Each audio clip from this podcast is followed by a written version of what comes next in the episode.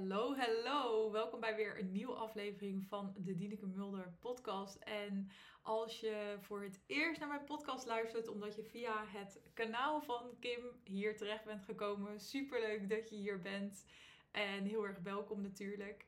Ehm, deze aflevering is weer een speciale aflevering, want ik ga dus in gesprek met Kim Munnekom. Ik interview haar.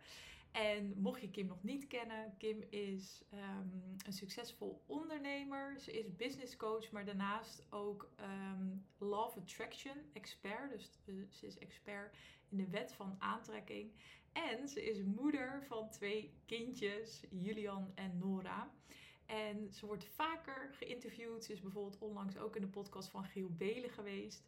En heel vaak wordt ze eigenlijk um, geïnterviewd, vooral over het ondernemerschap en over de wet van aantrekking. En dit interview is volledig gefocust op het moederschap. Dus de reis die zij daarin heeft gemaakt, hoe ze haar zwangerschap heeft ervaren, haar bevallingen.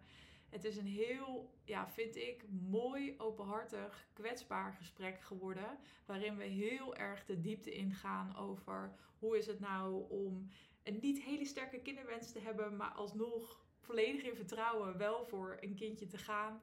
Ehm, hoe is het om een traumatische bevalling mee te maken, maar daarin en te zeggen: het ziekenhuis heeft fouten gemaakt, maar ik wil ook volledig eigenaarschap en verantwoordelijkheid nemen voor die ervaring. Wat kan je eruit leren? Wat, kan, wat leer je over jezelf? Ehm, daarnaast hebben we het over het moederschap, de struggles die het met zich meebrengt, maar ook de intense liefde die je kan, uh, kan voelen voor zo'n klein mensje.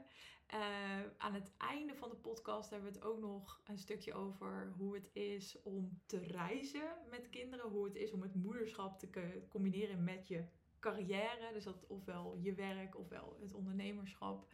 En um, dat het moederschap ook een hele mooie ja, uh, mogelijkheid biedt om je leven heel anders vorm te geven en echt eens te gaan nadenken: waar word ik nou gelukkig van? Wat maakt mij blij? Wat geeft mij, uh, wat geeft mij energie? Um, ik vind het echt een fantastisch mooi gesprek uh, geworden. Dus ik ben ook heel benieuwd wat jij ervan vindt. Enjoy zou ik zeggen. Geniet van dit gesprek. En laat mij of Kim vooral weten wat je eruit hebt gehaald. Uh, of je het herkenbaar vond, uh, welke golden nuggets je er voor jezelf hebt uitgehaald. En ook mocht je nog vragen natuurlijk hebben naar aanleiding van deze aflevering, stuur me vooral een DM'tje of stuur Kim een DM. En um, dan wens ik je heel veel luisterplezier.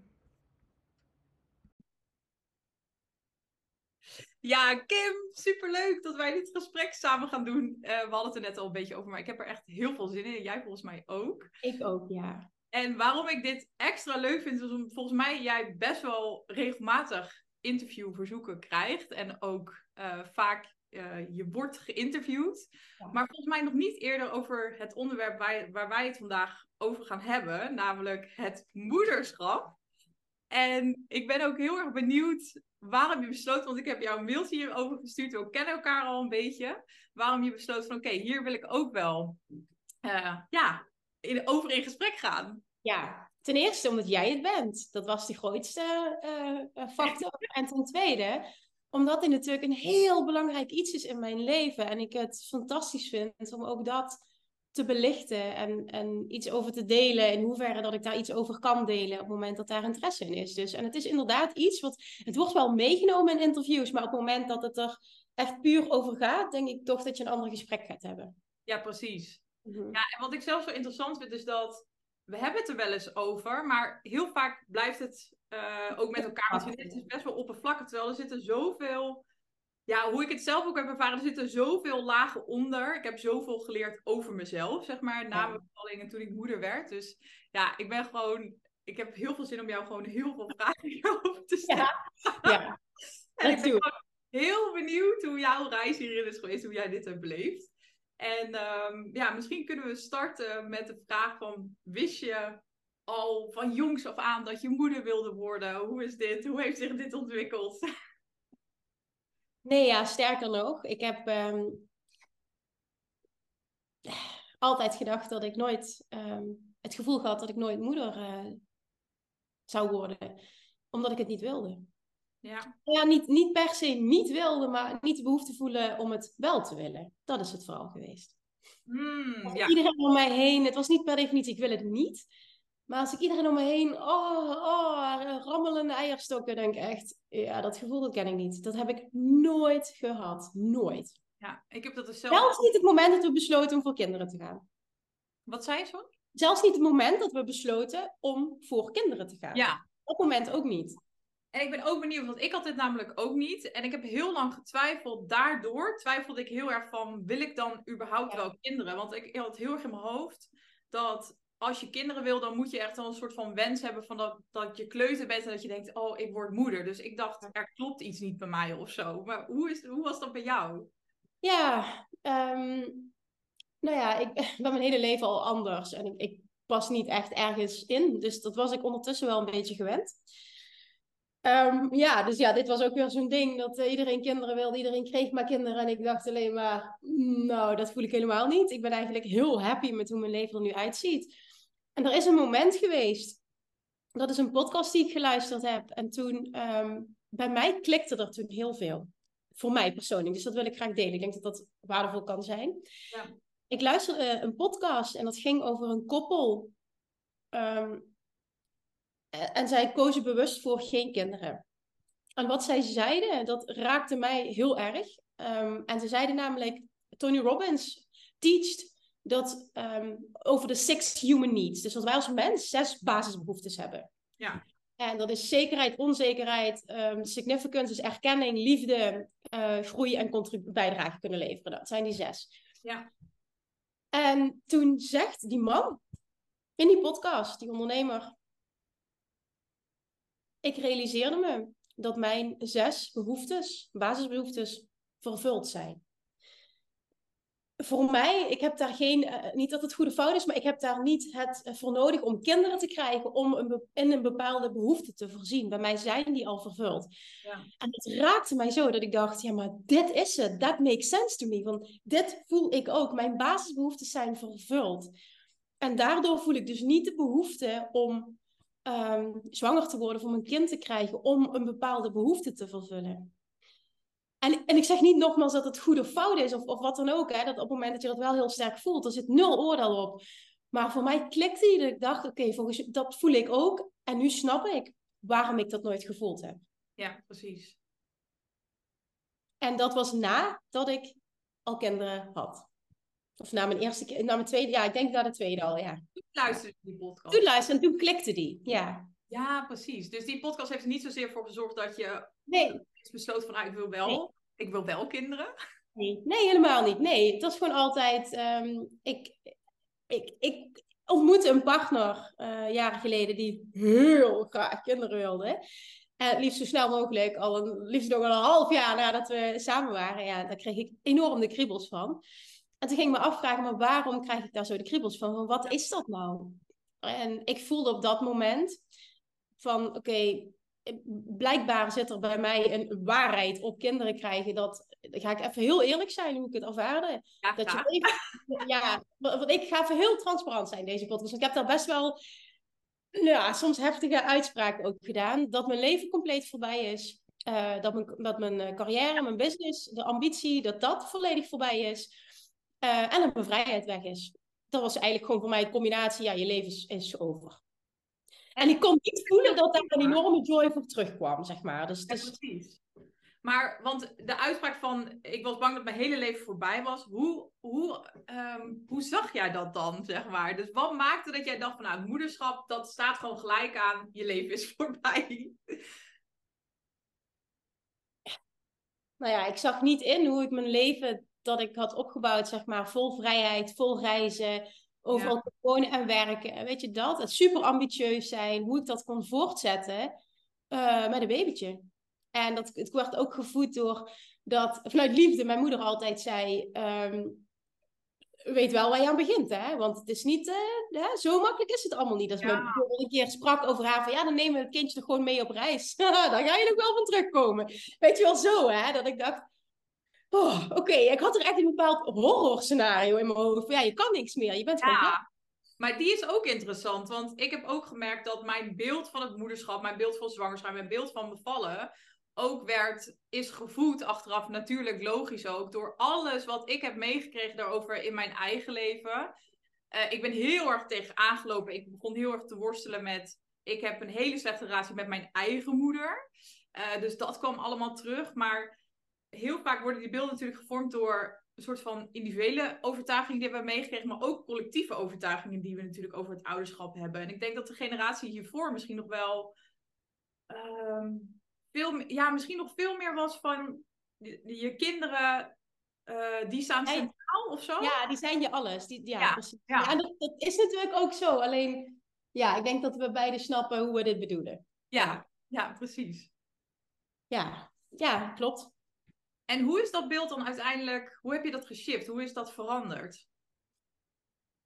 Ja, heel praktisch. Wij hebben gewoon, mijn partner wilde het heel graag. Ik had ook wel het gevoel van ik wil het ooit. En ik kende mezelf goed genoeg dat ik wist dat gevoel van dit is het, ik voel het. Mezelf kennen ga ik waarschijnlijk nooit krijgen.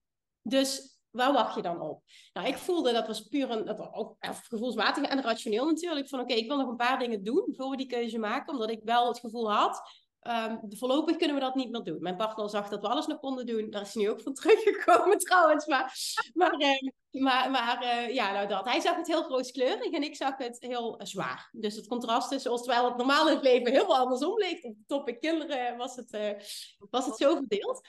En toen hadden ze besloten, ik wilde nog een paar dingen doen. Dus we hebben eigenlijk gewoon een afspraak gemaakt, we gaan die dingen nog doen. En dan uh, is het prima, dan, dan stop ik met de pil. Ja, dat was het. Heel, ja, heel praktisch. En toen je dat besloten, had je nog wel nog steeds een soort van dat beeld in je hoofd van, oh, mijn leven, ik ga het doen, maar mijn leven is voorbij. als ik ja, eigenlijk wel, ja. Maar ik had er meer vrede mee. Uh, en als ik het natuurlijk echt niet gewild had, had ik het niet gedaan. Laten we daar ook heel eerlijk in zijn. Ja, het is niet dus er was wel een verlangen ik was er oké mee als het gebeurde. Ja, ja, ja. Ja, ik, ik wil daar gewoon echt 100% eerlijk in zijn. En dat betekent niet dat die kinderen niet gewenst zijn, want het is fantastisch. Maar het, het, zat er gewoon nooit van tevoren. En ja, dat was gewoon een rationele beslissing, uh, heel praktisch aangepakt, hebben we gedaan. En toen, nou ja, heb ik mijn, uh, my part of the deal ben ik nagekomen door uh, te stoppen met de pil. En ik weet nog heel goed dat ik er energetisch op dat moment niet klaar voor was. Dat ik ook voelde van ja, uh, ik wil liever niet dat het nu gebeurt. En daar geloof ik dan heel erg in dat je dat kan uitzetten waardoor het niet gebeurt als vrouw. En ik weet ook nog wat het moment was, want dat was het moment in mei. Uh, weet ik nog heel goed dat jaar dat ik ben gestopt. En dat wij in september nog um, op vakantie gingen naar Amerika, twee weken reizen. Um, en dat ik in augustus toen heb gezegd, eind augustus, van uh, nu voel ik dat het oké okay is. En nu laat ik dit los en nu is het goed. Nu mag het gebeuren. Ja. En toen, I don't know, binnen twee weken was ik uh, zwanger. Wauw. Ja.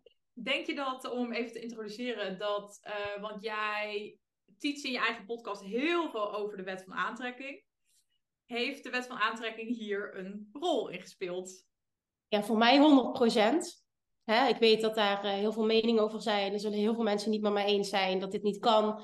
Nou, ik geloof heel wel en ik geloof erin dat ik het energetisch tegen heb gehouden dat ik zwanger zou worden. Op het moment dat ik het losliet en zei van nu mag het gebeuren. Dat het dus ook. Ik wist, ik kan heel makkelijk zwanger worden als ik wil. Dat was ook mijn basisovertuiging. Zwanger worden is super makkelijk. Ja. En um, ja. Die overtuiging al vanaf het begin? Ja. Was dat gelijk een soort van diep weten? Dat heb je ja. niet shiften. Je wist gewoon direct van ik voel dat het makkelijk ja. worden. Ja, was ook nooit, want, want mijn partner zei ook van ja, en, en wat nou, je wordt steeds ouder en wat nou. En ik wil al die tijd met 100% vertrouwen en diep weten, gaat nooit een probleem zijn. Ik ben zo zwanger. En ja, dat vind ik best wel moeilijk om dit uit te spreken, maar ook alles gaat goed en het kindje is gezond en alles gaat gewoon goed. Ja, wat mooi en fijn dat het, dat het proces zo is gegaan. Ja. Ja, ja, het heeft mij gediend in het, in het proces zelf heel erg, die zekerheid. Ja. ja. ja, Ik ga onderhand, want er staat een deur te klappen hier, heel rommelig, maar ik ga even een raam dicht doen. Het is helemaal niet erg, ik, uh, ik hoor niks. Oh, wacht. Moeten we heel even wachten. Doen we allemaal tijdens de podcast? Ja hoor.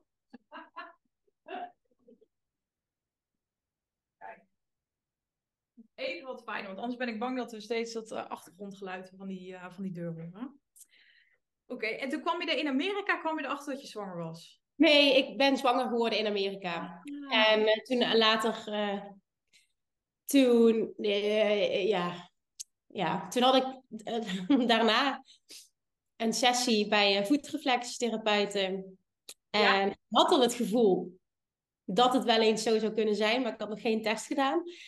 En toen eh, zegt zij tegen mij, zij voelde dus wat op mijn baarmoeder en zij zegt, Kim, kan het zijn dat jij zwanger bent? Ik zeg, ik weet het niet, maar het zou kunnen, ja. Toen heb ik een test gedaan en toen bleek ik zwanger te zijn. Oh, wauw. Ja. En had je die sessie gepland, had dat iets te maken met eh, je reis naar het zwanger worden? Of ging je daar op Ehm. um, heen en was het toevallig dat zij Ja, dat is een goede vraag. Waarom was ik daar? Ehm, dat was in 2019. Waarom was ik toen daar? Hm. Ik weet niet wat er toen speelde. Of iets lichamelijks of gewoon eh, even ter extra. Ehm, dat is namelijk de ehm, vrouw van mijn vader. Zij doet dat. En ik had gewoon met regelmaat een sessie, omdat het gewoon heel goed voor me was. Het, het, het deed heel veel voor me. Ja. Eh, ze had me in het verleden ook heel goed geholpen toen ik eh, lichamelijk heel erg vast zat. En ehm, ja, ik, ik, ik, nee, het was dus niet bewust iets wat ik me nu kan herinneren. Met een bepaalde reden. Ja.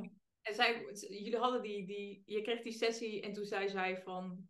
Kan het zegt, kan het zijn dat jij zwanger bent? Ja, dat durft zij natuurlijk wel te zeggen. Zij wist ook wel in het proces hoe we erin zaten. Zij wist ook dat we die afspraken... Weet je, mijn hele familie weet ook... Ja, Kim en kinderen, weet ik niet of we dat zien gebeuren. Dus hè, voor hen was het ook zo van... eh, wow, wow, ze gaan het proberen, dat weer. Ik ben ook altijd heel open geweest. En ehm, toen, eh, ja, toen zei ze dat. Toen dacht ik... Ja, dat zou wel eh, kunnen, ja. toen was het dus ook zo, ja. Ja, heel mooi. Hoeveel weken zwanger was je toen je erachter kwam? Toen je de eerste Vijf weken. vijf weken. Ja. Ja. En hoe, hoe was dat eerste trimester? Heb je klachten gehad? Hoe is je zwangerschap verlopen? Het was een hel. ja, ik heb allebei mijn zwangerschappen. Ook hier ga ik weer hele heftige uitspraken doen. Ik vond het verschrikkelijk. Ik vond het verschrikkelijk. Ja, en echt waar. Oh, kots en kots en kots. Je krijgt even een hele rauwe versie nu, hè? Maar Nee, kom maar op. kots en kots misselijk. Ja, oh. Gewoon echt mezelf helemaal kwijt. Ja, ik vond er gewoon helemaal niks aan. Was je alleen maar misselijk of moest je ook overgeven? Nee, nee, ik heb iets met overgeven, dat doe ik nooit. Dus eh, ik was alleen maar, ik had continu echt gewoon 24-7 het gevoel dat ik moest overgeven, maar ik gaf nooit over. Ik ben toen ook best wel veel afgevallen. Tweede keer nog meer in het begin. Ah, nee, ik vond helemaal niks. En toen dat eh, zwanger worden en die buik die dan groeide, dat zit je in de weg en ik kon niet meer tennissen. En ik vond het echt alleen maar gedoe. Want hoe, vo- wat, ik kan me best wel voorstellen dat het ook invloed heeft op hoe je je mentaal voelt. Vooral als je heel actief bent, dus veel sport. Je hebt natuurlijk een bedrijf wat Ja. door moet draaien. En als je, ik, ik was destijds nog in loondienst, nu heb ik mijn eigen bedrijf, maar ik vond dat toen al heel lastig. Ik was ook heel misselijk, gewoon de hele dag. En dat je opeens die twee dingen met elkaar moet gaan combineren. Hoe was dat bij jou? Ja, dat was gewoon heel uitdagend. En ehm, ja, ik, ik, ik kon altijd heel veel, ehm, nog steeds heel veel joy halen uit mijn bedrijf. Dus juist het werken maakte dat ik mijn ehm, gedachten kon, dat ik mijn aandacht ervan af kon houden. Wat hielp in mijn, hoe ik me voelde. Het moment dat ik echt die shift kon maken. Ik ben namelijk ook toen, ik heb daar mijn eerste Bali retreat, terwijl ik tien weken, negen weken, negen, tien of elf weken zwanger was. Ja, elf weken ben ik naar Bali gevlogen alleen. Ik was kots en kots misselijk. Dat ik echt, dat was echt mijn grootste verlangen om dat te doen. En voor ik moest gaan, ik zat huilend op de bank. Dat ik gewoon niet wist hoe ik dit moest doen alleen. Ik zag het niet voor me hoe ik dit ooit ging trekken.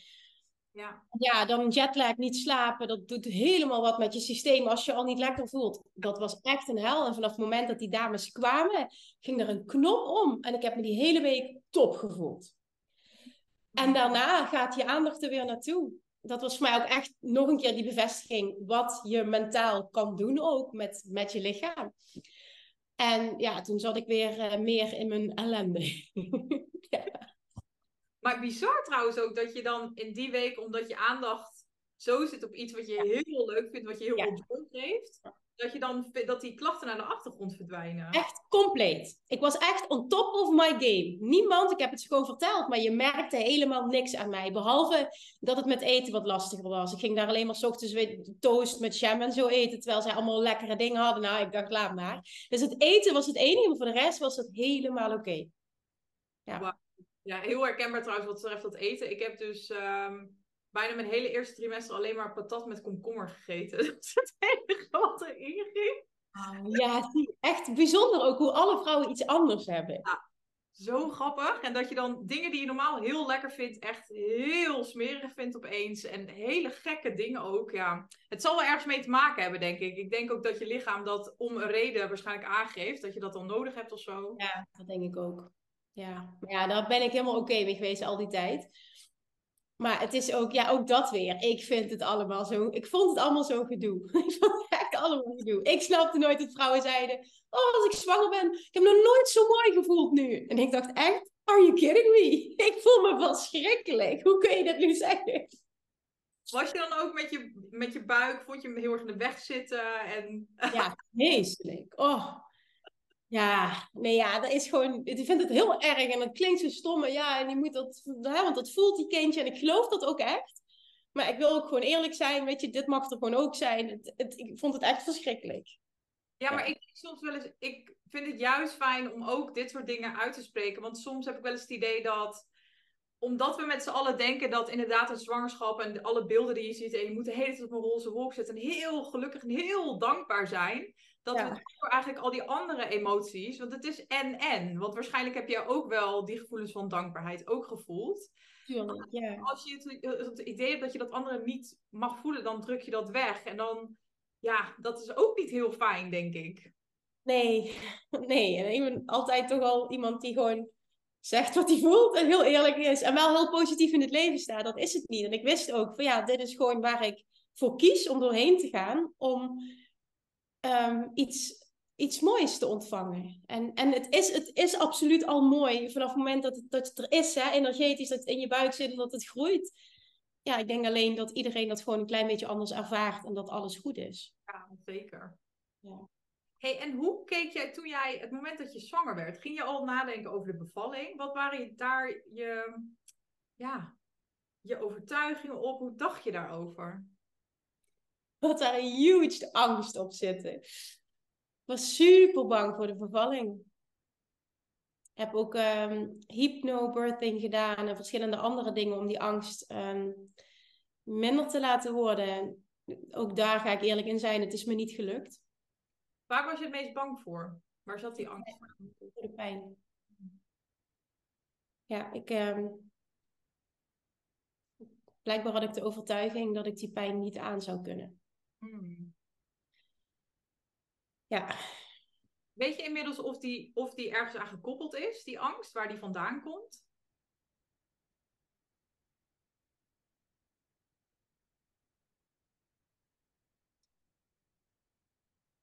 Ja, ik denk het wel. Um... Oké, nu ga ik iets zeggen. Uh, wat vanochtend nog uh, uit een sessie is gekomen die ik uh, heb gehad. Um, ik ben in een um, vorig leven um, verlaten door mijn moeder. Ben toen, dus voor de derde keer in mijn leven dat dat bevestigd is, zeg maar, in een, in een sessie. en ik kan dat beeld dus ook nog uh, terughalen. ik was uh, blijkbaar onderdeel van een tweeling. Ik had nog een broertje, die is na twee weken na de geboorte gestorven, wordt er gezegd.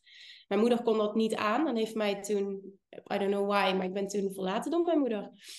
En dat heeft um, ja, zoveel pijn opgeleverd. Emotionele pijn, maar ook echt fysieke pijn daardoor. Dat um, ik zelfmoord heb gepleegd. En dat is iets wat altijd is blijven hangen als een trauma. Wat zich heeft. Ik, geloof, ik geloof daar wel in, wat je dus uh, onbewust kan meenemen. En, en ja, dus... Om heel even de luisteraar een beetje mee te nemen, want jij zegt in een vorig leven, om het iets te verduidelijken. Daarmee bedoel je dat er dus een, um, een ziel, zeg maar, uit een vorig leven. Ja, ik geloof erin dat wij eh, in de kern energetische wezens zijn. Dat is hoe ik het zie. Dat wij uh, ter wereld komen in een lichaam. Maar dat we ook weer, dat we als ziel ter wereld komen, dat we ook weer als ziel gaan. En dat we meerdere keren, en dat is mijn waarheid, dus meerdere keren kiezen om een bepaalde ervaring op aarde te hebben. Ja, precies. En dit was um, een eerdere ervaring. Ja. ja. Heel bijzonder.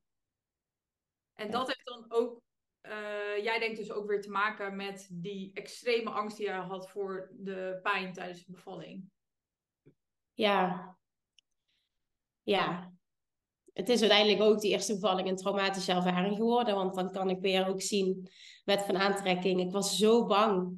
Ja, je krijgt wat je dominant uitzendt. En dat is ook gewoon, dat kon ik ook echt zien. Ik heb het volledig zelf aangetrokken. En het is wat het is het was wat het, wat het was. Dus... Want, want wat, hoe ging jij die bevalling in? Dus wat, was, wat heb je inderdaad dominant uitgezonden, nu als je terugkijkt? Dat het heel veel pijn zou doen. Hmm. Ehm, dat ik onzeker was of ik het aan zou kunnen. Ik, was, um, ik wilde alleen maar zo snel mogelijk een ruggenprik. Dat zat in mijn scenario. Ja. Zo snel mogelijk naar het ziekenhuis. Het was allemaal heel erg fear-based. Echt volledig uh, op angst gebaseerd. Ja, dat is eigenlijk de conclusie. Ik ging heel angstig, ging ik uh, die bevalling in. Vanaf, ik weet nog, vanaf het moment dat het dichterbij kwam, dat ik steeds banger werd ook. Van shit, het gaat nu bijna gebeuren. En dat ik echt ja, probeerde om maar niet aan te denken. Want als ik erover na ging denken, dan uh, ging het fout. Ja. Ja. En echt geprobeerd en met visualisaties en het zat zo diep. Ik denk ook dat ik mezelf gewoon onbewust niet heb toegestaan om daar te komen om echt die verandering teweeg te brengen. Precies. Ja. Dat is ook, maar dat is ook zo ontzettend lastig. Dat is ook wat ik nu in mijn eigen ervaring terugzie. Want ik heb me ook voorbereid. Ik heb een cursus gedaan, me ingelezen. Alleen als, je, als het je om de een of andere reden niet lukt, en nu zie ik ook echt de bedoeling ervan. Maar dan kan je visualiseren wat je wil. Alleen uh, wat eronder zit, dat. zal moeten shiften uiteindelijk. En dat is dominant uiteindelijk. Dus ik kon wel heel hard roepen, ik wil het anders, ik zie het voor me. Ja, ik heb mijn droombevalling, en ik heb het allemaal gedaan. Maar het waren acties die ik niet geloofde. Hè? Vibrationeel zend je toch iets anders uit. En dat, ja. ja. ja. En hoe is jouw bevalling uiteindelijk gestart? Kwam je in weeopgang? Had je gebroken vliezen? Hoe, hoe is het ja, het was een zaterdagavond. we waren, het was mei. Ik ben op 13 mei jarig. En het was um, ehm, 16 mei. Dat was een zaterdag. En we hadden de, de, het was coronatijd. We hadden de opa's en oma's op bezoek in onze tuin. Uh, voor mijn verjaardag. En die gingen naar huis toe. En ik, uh, de, de moeder van zijn en haar partner. En ik maak nog een grapje. Zij zei, goh, sterkte met de laatste loodjes. Hè? En uh, goh, ja, misschien zien we elkaar de volgende keer wel als de kleine er is. Ik zeg, ik zeg, pas maar op. Ik zeg, morgen krijgen jullie een telefoontje. en dan is hij geboren, zei ik zo, hè. Als maar grapje. voelde jij ook echt? Of... Als grapje. Ja, nou, ik heb het natuurlijk ook niet voor niets geroepen. Ja. Maar achteraf denk ik dan, als grapje zei ik dat. En zij zijn gaan weg. Ik maak uh, pizza en een salade. En ik had een, um, zo'n boxje gekregen voor, um, ja, snap je waar muziek, hoe noem je zoiets? Een boxje waar je muziek kan afspelen buiten. Dus we hadden muziek opgezet. Uh, ik, ik, heb pizza in de oven gedaan, salade gemaakt. We ze lekker te eten. Het begon wat af te koelen. Het was s'avonds 9 uur. En ik zei tegen zijn vriend, goh, ik ga even douchen, ik heb het koud. Ik loop naar boven ik ga nog naar het toilet. En dan breken mijn vliezen. Oh my god. Ik dacht, oh, volgens mij is het dit. oh god. En ik begon ook meteen pijn te krijgen. Of ja, meteen weeën te voelen. Acuut. Direct weeën? Ja, ik heb uiteindelijk, dat komt zo, ik heb een enorme weeënstorm gehad vanaf. Ja, maar um, ik begon het meteen mee, dus ik loop de trap af. Ik zeg tegen zijn vriend, die doen, dat hebben we nu maar gedaan, met een biertje op de bank zat. En ik zeg, uh, schat, volgens mij gaat het gebeuren. Wat? Kan ik nog even slapen, zegt hij. Ik zeg, typische reactie van hem. Kan ik nog even slapen? Ik zeg, nee, ik denk niet dat je nog kan slapen. Ik zeg, want het is best al ik zeg al, nou, als dit begin mee zijn, dan wil ik niet weten hoeveel pijn dit gaat doen, weet ik nog dat ik zei tegen hem. En toen liep ik weer terug naar boven en ik ben nog gaan douchen. En ik kom uit die douche en ik voel al, holy shit, wat de fuck gebeurt hier? En ik heb me aangekleed en ik wist dat ik me vast moest houden aan de wasbak. Dat ik tegen zijn vriend zei, volgens mij moet je nu moeten gaan timen. Want toen was het al minder dan vijf minuten tussen die weeën. En, en toen zei ik van ja, de verloskundige Naomi die heeft gezegd dat we dan moeten bellen. Dus ga maar bellen. En toen kwam ze. En toen had ik ook al, ik weet niet hoeveel centimeter ontsluiting. En het is zelfs zo dat ik zonder wee op dat moment gewoon geen, de trap niet meer afkwam. Oh, ik heb ik dacht echt, oh my god, wat gaat hier gebeuren? Hoe erg gaat dit worden? Dus ik zat ook helemaal in mijn hoofd op dat moment. Toen zijn we dus heel snel naar het ziekenhuis gereden. Ik weet nog dat ik die rit, waren maar vijf of tien minuten, maar echt verschrikkelijk vond. Het was echt een hel, die autorit. En toen uh, snel naar de kamer. Het eerste wat ik zei, oh nee, toen hebben ze nog een bevalbad. Dat dacht ik. Maar toen stapte ik uit die, uh, die rolstoel, dat karretje waar ze mee gereden hadden. En ik zei, nee, ik wil nu een ruggenprik. En toen uh, was coronatijd, kwamen ze bij me en toen moesten ze een test doen of wat dan ook, voor ik die ruggenprik kreeg. Een coronatest denk ik dat ze gedaan hebben, ik weet het niet meer precies. Ja, dat moest toen, ja. Kreeg een, een, kapje op, een ding op voor, ik weet niet wat ze allemaal gedaan hebben. Het ging allemaal heel snel. Um, een test, dat hebben ze gedaan. En toen zijn ze weggelopen. En toen heeft het ziekenhuis een fout gemaakt dat ze die coronatest niet hebben opgepakt, waardoor uh, dat proces niet in gang is gezet. Uh, op het moment dat ik het vroeg, waren er twee anesthesisten beschikbaar. Noemen ze dat anesthesisten die dan dat kunnen inleiden? Ja, volgens mij wel. Dat, ja. En, ja, doordat ze dat niet hadden opgepakt, uh, waren die niet meer beschikbaar. Dus daar ging mijn, daar ging mijn ruggenprik. En ik heb er helemaal ze hadden jou niet aangemeld of niet doorgegeven. Ja, hoe het precies is gegaan achteraf. We hebben daar nog onderzoek naar gedaan. Ze hebben die test niet opgepakt, waardoor het proces gewoon achter de schermen tussen de kamer uitliep en niet in gang is gezet voor mij. Ze zijn me een soort van vergeten, daar komt het eigenlijk op neer. Ja, en, ja. ja, en toen het moment dat het gesignaleerd werd dat het gebeurd was, toen waren de anesthesisten allebei niet meer beschikbaar. En toen kwamen ze na. Ik, weet, ik weet niet hoe lang het geduurd. Ik weet in totaal van het moment van weeën krijgen tot geboorte was zes uur. Dat ze nog gezegd hebben. Um, een hele lompe arts kwam uh, de, de, de kamer op en zegt: Nou, meid, die ruggenprik gaat niet worden. Zegt ze, zegt ze zo. En ik was aan het verrekken van de pijn. De hele tijd met nog hoop. Het is, wordt zo beter, het wordt zo beter. Ondertussen zat ik dus al, was ik in de laatste fase, had ik al bijna 10 centimeter, maar had ik niet door. Omdat ik dacht, ja, dit hoort heel lang te duren. Dus je moet nog uren door die pijn heen. En ik was daar ook van die oergeluiden aan het uitkramen. Ik weet nog dat ik zo zat op dat bed. En oh, het was ik kan me dat allemaal nog herinneren. En uh, dat de verloskundige ook toen dit zei van, ja, je doet het heel goed. En dat ik tegen zijn vriend zei toen ze weg was, zeg even dat ze de mond moet houden. Ik kan dat er niemand meer tegen me praat. Nou ja, goed. En toen, nou ja, toen, toen kwamen ze dat vertellen en toen zei ik, ik nee. Oh ja, toen even later, dat was het moment dat er wel een ruggenprik kon, kon komen. En dat ik zag, ja, nu gaat het gebeuren. En toen moest ik gaan liggen en toen had ik 10 centimeter ontsluiting. En toen was het, nee, je krijgt geen ruggenprik. En toen is er nog, ja, weet ik dat ik heel boos ben geworden. Ik, ik wil nu een ruggenprik. Zegt de verloskundige, die greep mij vast. Je moet nu eens even heel goed naar mij luisteren. Wij gaan nu jouw zoon ter wereld brengen. Zegt ze zo tegen mij. En ik dacht, oké, okay, whatever. Dus toen, ja, nou goed, toen uh, was het zo voorbij. Maar dat was ook niet waar. Het duurde nog een uur en een kwartier uiteindelijk, want dat kwam er niet uit. Ja. Maar het klinkt alsof je echt een paar keer gewoon echt een soort van major mindfuck kreeg waar je hebt mee moeten dealen allereerst. Want mijn bevalling begon ook met gebroken vliezen. Alleen mijn weeën kwamen pas na 12 uur op gang. En dat is ook het doorgaans het verhaal wat ik van de meeste vrouwen hoor. Bij mijn eerste bevalling, dat het traag op gang komt. En dat is ook vaak wat er wordt verteld door verloskundigen van eerste kindje, duurt lang. Dus ik kan me helemaal voorstellen dat als je dat inderdaad in je hoofd hebt en het gaat al gelijk vanaf moment één helemaal los, dat je denkt, nou, als ik dit nog 12 of 18 uur moet doen. en dan ja, echt hoe dan? Ja. ja. En dan kom je in het ziekenhuis en denk je, oh, eindelijk, eindelijk verlichting. En dan wordt er twee keer verteld van, ja, de, die rugprik gaat hem niet worden. Ja, dat is wel echt heel pittig volgens mij. Ja, dat is inderdaad, dat zeg je heel mooi. Dat is echt een mindfuck. Ik zat al die tijd in hoop, het is zo voorbij. Dan lopen ze de kamer op en dan mag ik. Tot ze kwam zeggen dat het hem echt niet meer ging worden. Ja, toen stortte eigenlijk voor mij alles in. En toen ging ik die pijn nog intenser voelen, omdat je geen hoop meer hebt of zo. Zo, ja, het klinkt even heel zwaar, maar zo voelde ik dat op dat moment. En toen, um, vrij snel daarna, kwam ze terug en was er dus iemand beschikbaar. Nou, ik bloeide helemaal op. Ik dacht, shit. En toen kwam de verloskundige met, uh, we gaan eens even checken, want volgens mij uh, aan, jou, uh, aan, jou te horen is het, is het zover. Ja, toen had ik dus inderdaad al 10 centimeter ontsluiting. Ja. Wauw. En hoe is het persen gegaan? Hoe is Julian uiteindelijk geboren? Is dat wel een beetje soepel gegaan? Of? nee. Nee, ja, dat lukte niet. Um, we hebben een uur en een kwartier, het lukte gewoon niet. En toen... Um, ja, kijk, ik was op dat moment ook gewoon...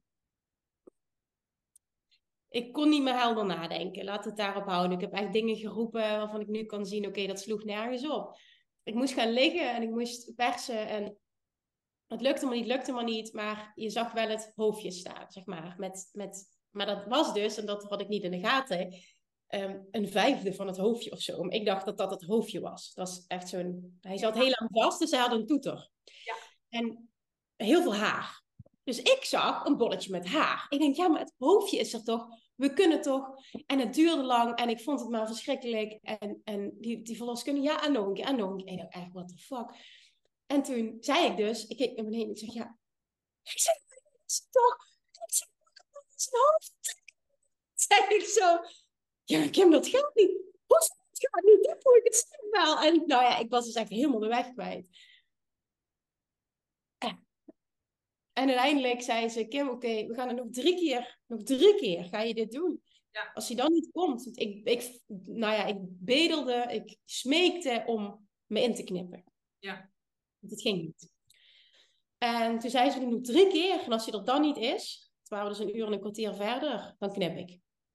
Zei, oké, nog drie keer. Dan had ik iets om naartoe te werken. Dus ja, nog drie keer. Ik kwam niet. Toen knipte ze. Toen was de schaar bot. Dus dat ging fout. Toen heeft ze haar eigen schaar moeten pakken, want die van het ziekenhuis functioneerde niet. En toen ging het goed. En toen zei ze, Kim, achteraf zegt ze, sorry, want ik wilde eigenlijk op een baarkruk. Nou, die waren ze ook kwijt in het ziekenhuis. Ik wilde niet liggend bevallen, omdat ik gewoon dacht ja, dat wil ik niet. Dat is minder goed voor mijn lichaam. Um, het, het, ja, ook dat geloof ik in dat ik zelf heb aangetrokken allemaal. Maar het ziekenhuis heeft heel veel fouten gemaakt. Want ze hebben jou op dat moment ook niet gestimuleerd om andere houdingen aan te nemen. Ik wilde, um, ik heb al die tijd om de weeën op te vangen gezeten. Dus al die tijd is dit geweest. En toen was het alleen maar, ik mocht alleen maar liggen. Ja. Ja, dat was heel, ja, heel dominant. Ook hoe daar, uh, dat had ik ook nodig hoor. Want ik, ik, anders was ik te veel tegengas aan het geven. Dus het is helemaal goed hoe het gegaan is ook. Ik geloof ook echt dat door mijn enorme angst dat ik het allemaal zelf heb gemanifesteerd. Dus ik wil er ook echt de verantwoordelijkheid voor nemen. En het ziekenhuis heeft heel veel fouten gemaakt. Dus ja. ik is zo'n schaar ook. De verloskundige bood daar excuses aan. Ze zegt, Kim, ja, dit had nooit mogen gebeuren wat hier gebeurd is. Nooit. Sorry daarvoor. Ja, daar kon zij ook niks aan doen. Maar ja, vind het wel mooi hoe je het zegt dat het, dat het naast elkaar mag bestaan. Dus dat je en mag zeggen van er zijn gewoon dingen echt niet goed gegaan. Maar uh, ik neem ook zelfverantwoordelijkheid voor die ervaring. Dat is ook hoe ik het zelf heb ervaren. Want ik ben heel lang dus blijven hangen in de boosheid. En dat ik vond, ik was alleen maar gefocust op dat ik, wat ik vond wat er allemaal mis was gegaan. En dat de verantwoordelijkheid voor hoe ik het had ervaren, dat het volledig lag bij de verloskundige, het ziekenhuis. Um, alleen, en het is ook heel logisch, want ik denk dat het, dat het eigenlijk bij hoort. Dat het een fase is waar je doorheen gaat in dat proces. Dat kan je eigenlijk niet overslaan. Klopt. Als je daar te lang in blijft zitten, dan blokkeert het je eigenlijk. Ja, je zit in een slachtofferrol op dat moment. Dat, dat, dat is sowieso nooit. Dus ik snap helemaal wat je zegt. En in het begin, net na die bevalling, heb ik dat natuurlijk ook gevoeld. Ik heb die nacht de hele bevalling herleefd. En die nacht daarna ook. En die nacht daarna ook. Dus dat zul je herkennen. Ja. Dus, ja, en toen was ik vooral heel boos op het ziekenhuis. Maar daarna dacht ik, nou, je hebt wel precies gekregen wat je gevraagd hebt. Hè? Daar komt het wel op neer. dus ja. Ja. En ben jullie al geboren? Na de keer? Toen, toen, kwam die eruit? Ja, fantastisch. Nou, maar dat was het moment daarna dat ik meteen, er werd op me gelegd. Nou, ik had nog nooit dat gevoel van liefde. Oh my god, wat was dat het meest fantastische moment ever. En dat voelde je ook direct? Gewoon... Ja. Wat goed. Ja ja, ja. Vanaf dat moment shifte alles. Ehm, intens geluk, intense blijdschap. Terwijl ik eigenlijk ook nog wel pijn had, want ze waren nog aan het hechten. Maar daar voelde ik eigenlijk in verhouding niks van, omdat ik zo in die liefde zat en in de blijdschap en in de dankbaarheid. En ik riep wel, nou, ik heb ook al vijf keer achter elkaar gezegd tegen vriend, oh, het is voorbij. Zo, oh, ik heb de hel. Want hij wist natuurlijk ook niet wat hij meemaakt. Hij dacht alleen maar, oh, wat een ramp dit. ja, dat, ja. En toen was die kleine er, ja, toen was alles, alles was over. Oh, wat heb ik dat, wat vond ik dat fantastisch, dat moment. Ja. Fijn. En mocht hij al heel snel naar huis of moest je nog heel veel blijven in het ziekenhuis? Nee, hij mocht vrij snel naar huis. Ik ben toen, ik weet nog, ik ben vrij snel ook um, gaan douchen onder begeleiding van de verloskundige. Uh, toen werd hij in zijn vriends armen gelegd. En voordat de kamer uitliep, viel zijn vriend in slaap. Gewoon eigenlijk binnen een paar minuten. Met onze zoon in de armen, dat ik eigenlijk dacht, wat doe jij nou? Dacht ik. Maar blijkbaar heeft hij zoveel spanning gehad, was hij zo uitgeput. Echt heel, heel, ja, heel ja, aandoenlijk, moet ik, ik moet niet zielig of sneu, maar ja, het was heel schattig allemaal. En toen heeft heel snel weer iemand van het ziekenhuis onze zoon over moeten nemen, want hij viel in slaap. En ik wat fuck gebeurt hier? Maar daar hebben we achteraf nog heel erg moeten lachen. Hij zegt, ja, weet je hoe zwaar dit voor mij was? Ja, toen dacht ik, ja, oh, kan ik me nu niks bij voorstellen. Maar oké, laten we dat er ook zijn. En uh, toen ben ik gaan douchen en toen um, kwam ik terug en toen mochten we hem aankleden. Ja, ik mocht hem aankleden. En hij was heel klein. Dus hebben nog even getwijfeld of hij mee mocht. Want het was exact 37 weken dat ik uh, bevallen ben. was net... En hij was 2625 gram. Dat was ook net op de grens, zeg maar, dat hij mee mocht. Maar ja, hij was oké en hij mocht mee en uh, alles was goed. En ja, we kwamen s'nachts aan in het ziekenhuis. En s ochtends vroeg om 6, 7 uur of zo reden we terug. Dus we waren de nacht we weg en we kwamen s ochtends aan in een lege straat, net of dat er niks gebeurd was. We komen terug met een... Met een Ja, fantastisch. Echt fantastisch. Maar wel fijn, dus je kwam s ochtends, dus dan hoefde hij de nacht eigenlijk niet alleen te doen. Toen kwam waarschijnlijk direct... Ja, ik kreeg meteen om negen uur, was maar anderhalf uur later, toen kwam er kraamhulp. Ja, dat was fantastisch. Ja. ja. ja. De eerste weken? Hoe, hoe ging het met Julian? Voelde jij je gelijk helemaal thuis in je moederrol? Ja. ja, als ik daarop terugkijk, ook heel bijzonder. Want zijn vrienden en ik praten daar nog vaker over. Dat hij dat heel anders ervaren heeft dan ik. Ehm, want het was heel heftig. Julian is een huilbabytje geweest. Die heeft drie maanden lang eigenlijk alleen maar non-stop gehuild. Wat dus eigenlijk heel intens is. En dat was het ook. Ja. Maar ik was zo verliefd. En ik was zo ik denk ook gewoon het contrast met het horrorscenario dat ik verwachtte. En nu zo'n intens gevoel van liefde, wat ik mijn hele leven nog nooit had gevoeld. Dat ik het zo goed kon handelen, ondanks dat het best wel pittig was. De, de dankbaarheid overheerste. En ik denk dat ik gewoon heel veel daardoor op adrenaline en op een high heb getrokken. Ja. Dus ja, ik was meteen thuis in de rol als moeder. Ik vond het het meest fantastische wat me was overkomen. Ehm, het was heel uitdagend, want wij moesten de hele dag in een draagzak met hem rondlopen. Vanaf het moment dat we gingen zitten, begon hij weer te schreeuwen. En hij kon niet poepen uit zichzelf. Uh, dat was uiteindelijk ook het probleem, waardoor hij altijd pijn had. Hij dronk niet. Um, ja, dan ga je snel traject in van wat is er aan de hand. En na drie maanden kreeg hij uiteindelijk, uh, nadat hij iets voor het um, reflux, dat hielp ook allemaal niet, kreeg hij laxeermiddel. En toen was het probleem opgelost. toen hadden we een, toen hadden we een blij kindje. Ja. ja. Die eerste drie maanden, hij, hij was eigenlijk alleen maar een beetje oké als hij bij jullie gewoon, als hij gedragen werd in de draagzak. Tegen ons aan inderdaad, in de draagzak en dan lopend, bewegend. Ja. Ik liep kilometers, kilometers in huis elke dag. En dan kwam zijn vriend thuis, was ik helemaal uitgeput. En dan ja. ja, ja. Maar dat is best wel pittig hoor.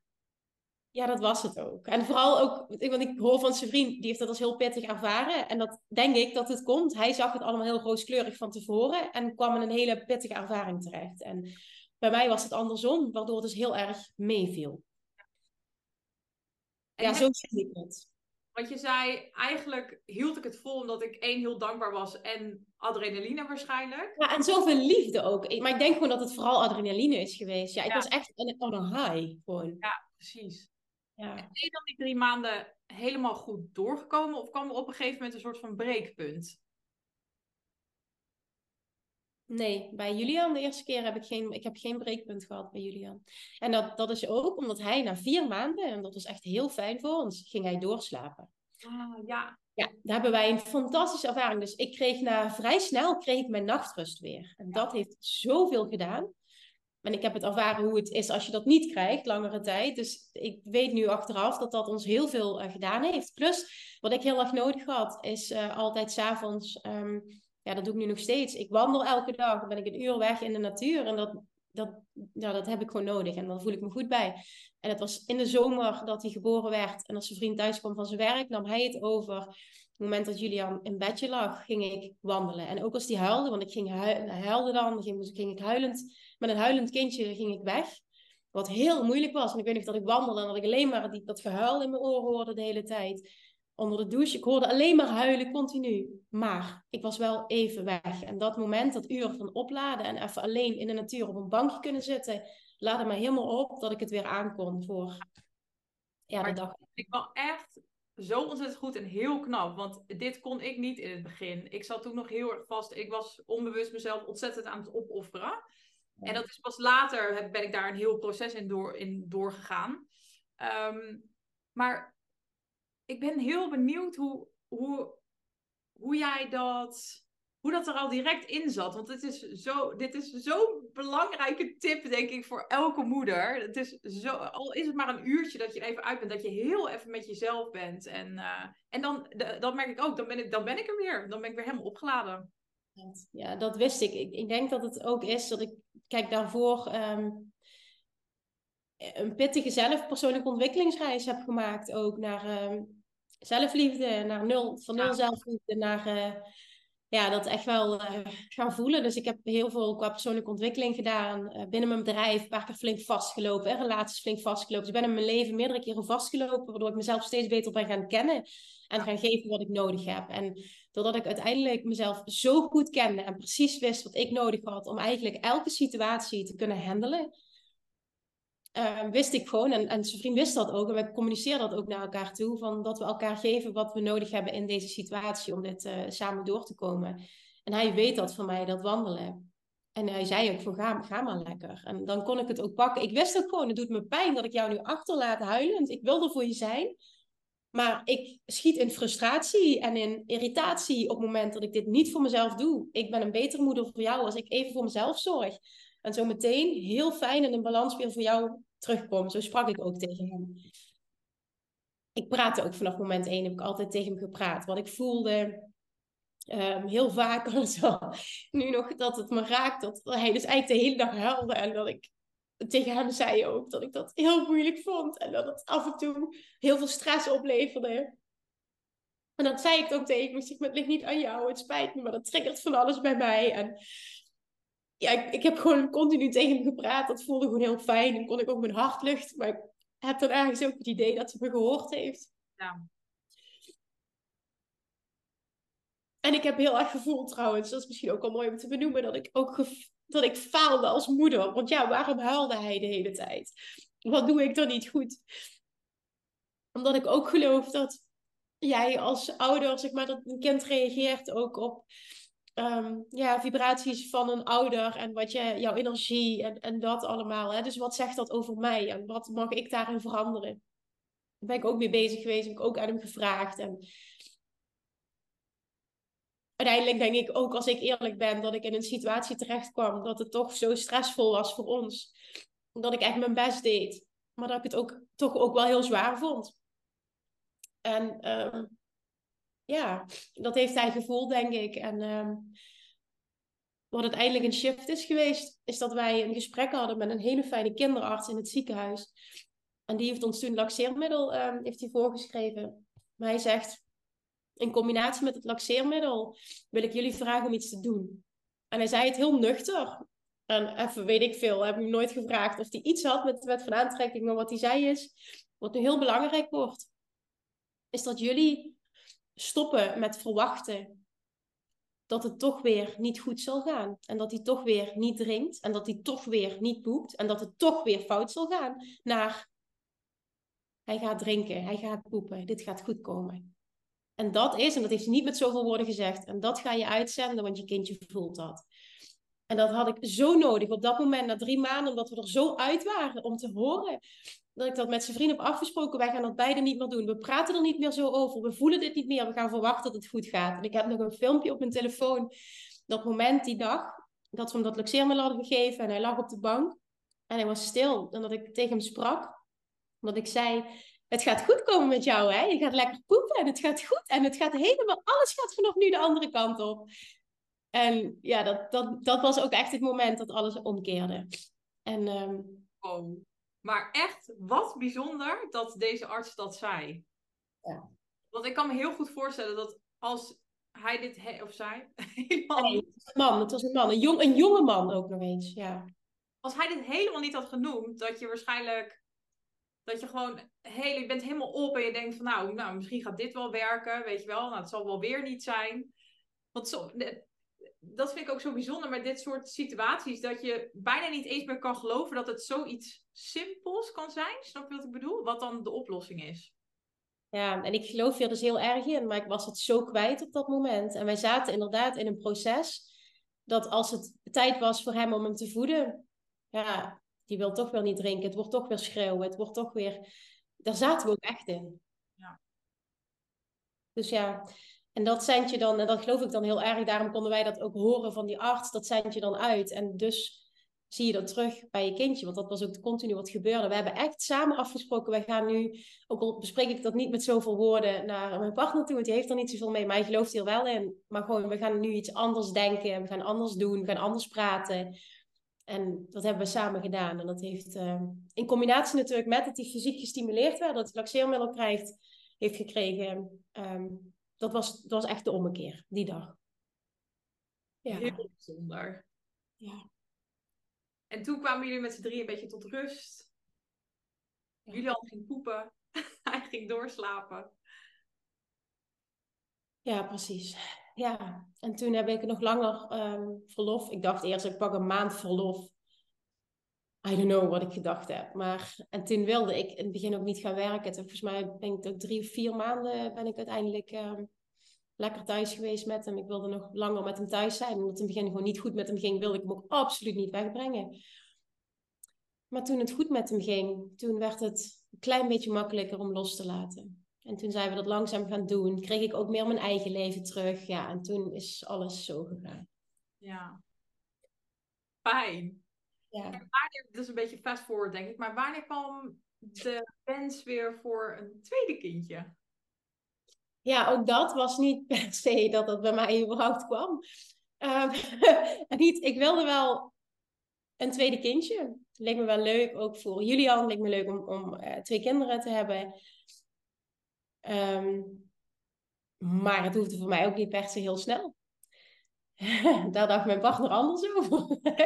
dus dat is wel interessant. Maar daar, ik voelde heel sterk, mijn lichaam heeft tijd nodig om te herstellen. Dat voelde ik heel sterk. En kijk, uiteindelijk, laten we heel eerlijk zijn, moeten vrouwen het toch doen.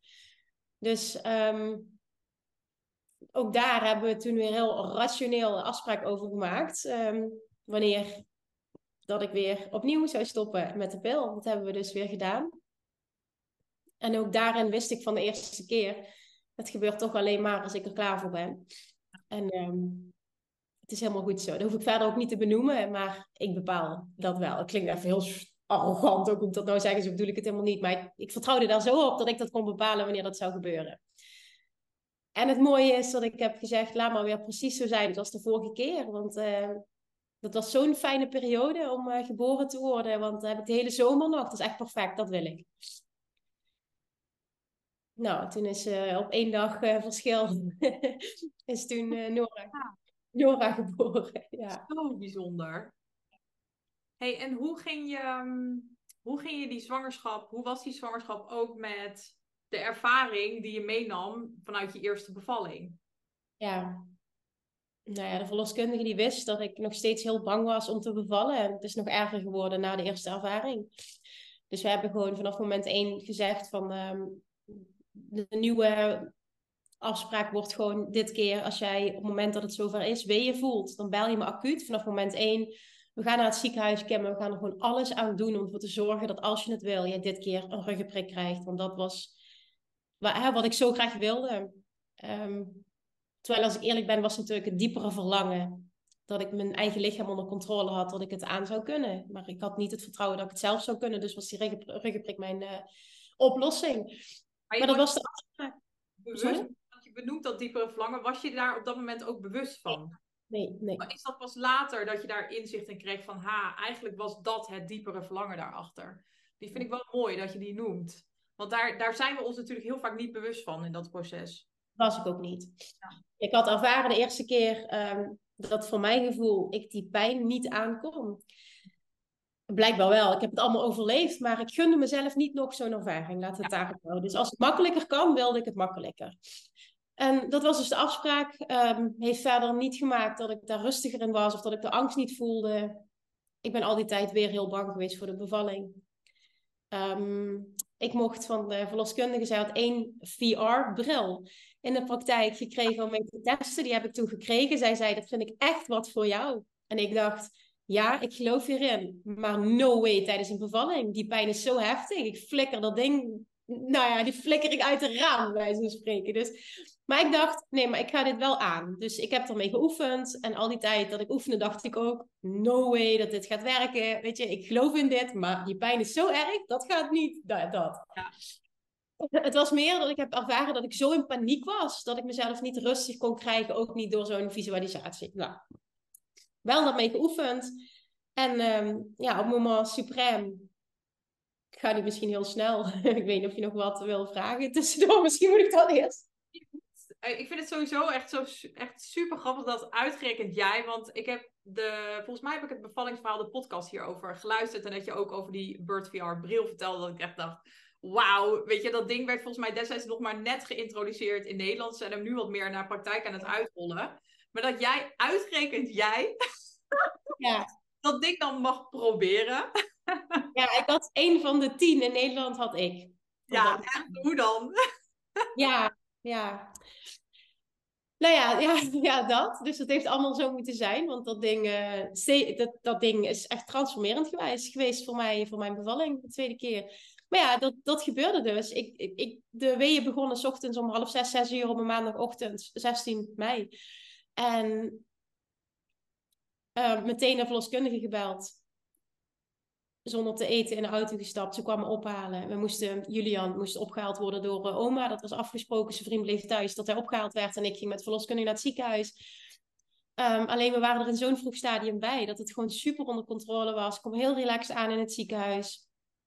Um, ik voelde het wel al meteen. Maar ja, ik wist gewoon, we hebben nu niet gewacht. Dus in deze fase trek ik dat nog allemaal. Dus ja, en toen um, mocht ik de ruggenprik. En ik had, oh, dat had ik ook nog gedaan. Ik had een tensapparaatje had ik gekocht. Ja, dit is ja, fantastisch. Ik ook. Ik ook. Die heeft me ontzettend veel gebracht. Dus ik had die had ik, uh, op mijn rug.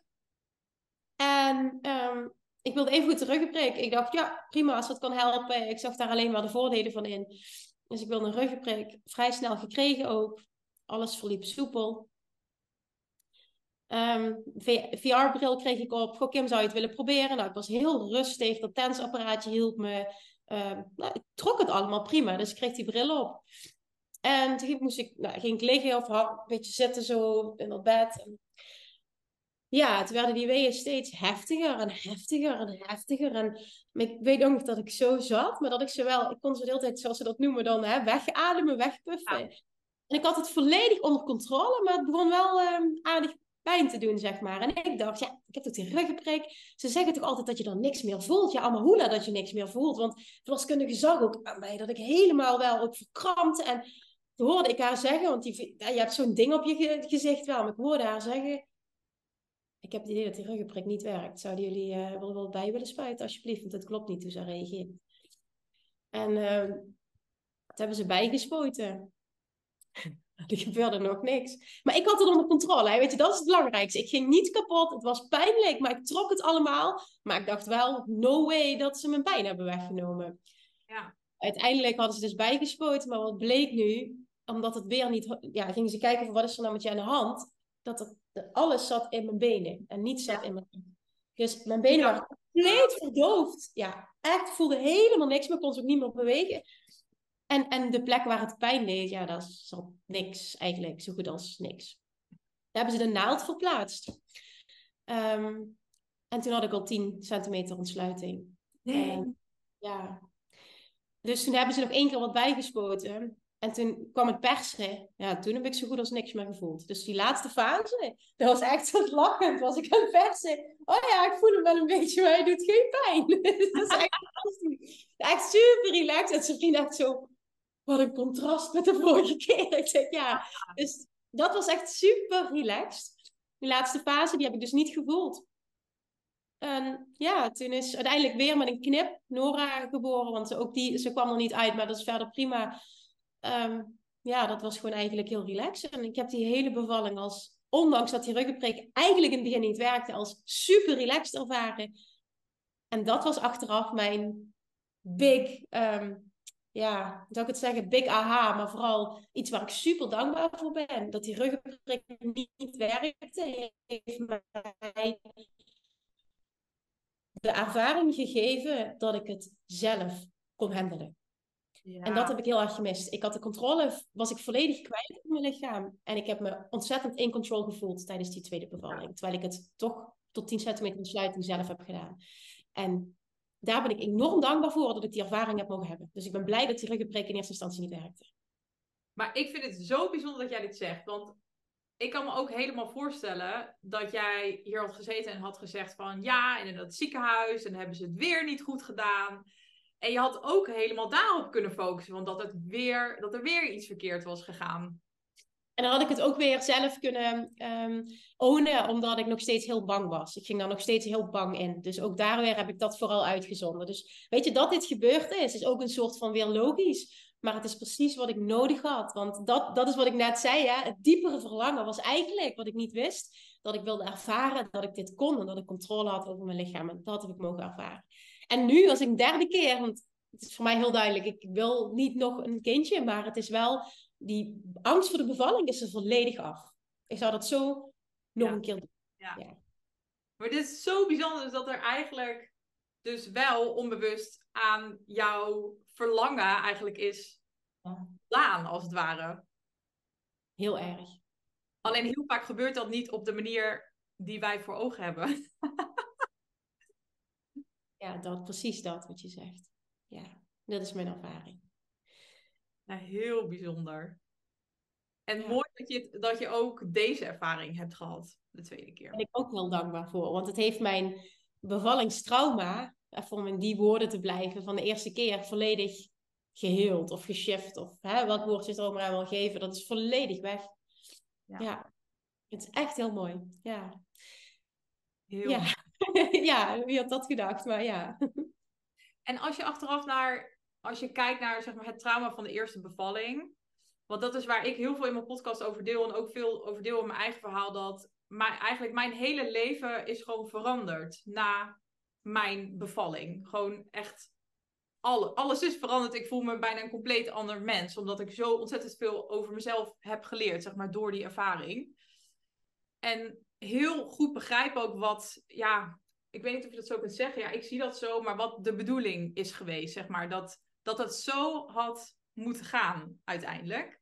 En dat ik het juist zie nu, hoe cliché het ook klinkt, maar echt als een heel groot cadeau. En dat ik heel dankbaar ben dat het zo is gelopen. En wat ik ook helemaal, ik kan, kan me ook heel goed begrijpen als vrouw dit horen, dat ze dat nog helemaal niet zo voelen. Ja. Ehm, maar hoe, hoe kijk jij daarna als je nu terugkijkt dus op die eerste bevallingservaring? Nou, precies zoals jij het nu omschrijft. Dit had, dit had zo.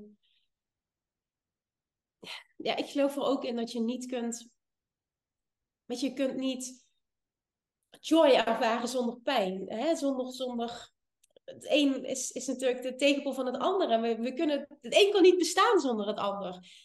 Um, geloof ik erin dat je per se zoiets nodig hebt om? Nee, dat ook niet. Alleen vaak helpt het wel om zo'n ervaring te hebben en daar het, het hogere doel, het, het grotere plaatje van te zien. Om het voor je te kunnen laten werken versus dit is mij overkomen. Ja. En ik denk dat dat heel veel doet met je als mens, met je ontwikkeling, Ja. met de keuzes die je vervolgens maakt in je leven, met hoe, je überhaupt in het leven staat, hoe je bent.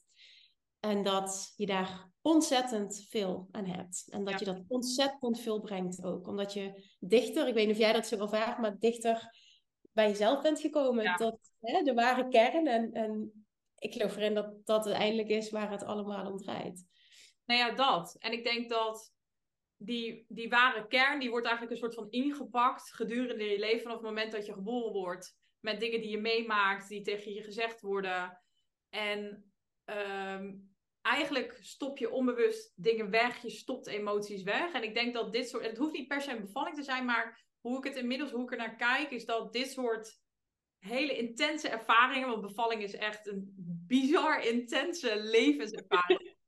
Ja. Dat, daarom denk ik ook dat dit, zoveel vrouwen dit meemaken, hoe gek dit ook klinkt, maar dat dit bij uitstek een ervaring is dat er gewoon heel veel onbewuste stukken, die je eigen, waar je eigenlijk liever niet iets, die je heel hard probeert weg Wegstopt. Ja. ja. dat die gewoon ehm, naar de oppervlakte komen. En dan is het nog alsnog aan jou of je bereid bent om, ehm, ja, om ze ook echt aan te pakken. Ja, dat. Ja. ja, dat zie ik ook zo. En ik denk gewoon dat, dat er heel veel ligt in wat jij net ook zei. En kun je zelf verantwoordelijkheid nemen of zit je nog in een slachtofferrol? En dit, dit zeg ik zonder oordeel. Alleen, mijn waarheid is het dat je zo je kracht weggeeft als je in een slachtofferrol zit. Want als het ligt aan een ander, kun je het ook niet veranderen. Als je het bij jezelf kan zoeken, verander je alles. Nee. En, maar precies dat, en dit is ook wat ik heel vaak vertel tegen vrouwen, dat, dat het, het, ik begrijp het helemaal. Het is heel logisch dat je, dat je boos bent. Alleen op het moment dat je alleen maar boos blijft, dan leg je dus ook de verantwoordelijkheid, ook weer voor je volgende ervaring, weer volledig bij de ander neer. En dat is gewoon zo jammer. Precies. Ja, dat zeg je heel mooi. Ja. mooi. Ja. ja. En dan heb je ineens kinderen. Ja, en dan om nog even weer fast forward stapje te maken. Want je zei, eh, bij Julian zei je al van, nou, met vier maanden ging hij doorslapen. En dat was echt heerlijk, want ik ken nu ook de andere kant van het verhaal. Want hoe is dat bij Nora gegaan? Hoe heb je dat ervaren? Nee, zij eh, besloot een ander pad te kiezen. Waar dat eh, voor de rest een super relaxed, makkelijk, vrolijk kindje is. Ja. Vanaf moment één. Alles wat we nooit hebben meegemaakt. En we houden van ze allebei, maar het is gewoon zo'n contrast. Um, S'nachts besloot zij toch een ander pad te bewandelen. um, dat, dat we gewoon, bij Julian wisten wij gewoon, die slaapt. Ik weet je, als men diep weet, oké, okay, die leg ik in bed, die slaapt. Bij Nora is het nog steeds elke nacht dat we niet weten wat we... Wat de nacht gaat brengen. Wat de nacht gaat brengen, ja. En dat gaat wel steeds beter, want er zijn, de meeste nachten zijn gewoon fantastisch. Uh, maar het is de eerste negen maanden, acht, negen maanden, um, ja, sliep ze gewoon echt totaal niet door. Maar dan heb ik het over tegen die tijd nog dat ze echt drie keer per nacht uh, iets wilde. En, en niet per se, dat moet, moet gevoed worden of zo, dat is het niet. Uh, maar gewoon, ja, dat er iets was, of huilen, of, of hè, de huilen, ja, was het dan. En dat we het ja, vaak ook niet, dat we dat, dat vasthield en dat het uiteindelijk um, ook, ook weer oké was. Maar soms ook echt, echt heel erg hysterisch. En toen zijn wij in januari als gezin naar Bali gegaan voor vijf weken. Ja. En daar stopte het dus. Daar, daar sliep zij door, vijf weken lang. En toen kwamen we terug. Wat? Nog de eerste nacht begon het. Jo.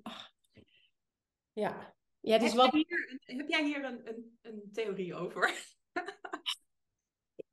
Weet je, ik kan er van alles van maken. Het is ook in mijn eigen voordeel dat ik er iets van maak. Snap je? Dus ja, dat vind ik een lastige. Um, hoe ik het verklaar is dat. Ja, ik geloof erin dat ik als moeder iets heel anders heb uitgezonden vanaf het moment dat wij daar waren. Ik heb me daar intens gelukkig, intens vrij en intens in balans gevoeld. Um, sowieso uh, voelt Bali als. Um, soms voor mij als dat vind ik heel lastig om dat uit te spreken. Maar soms voor mij als meer thuis dan Nederland.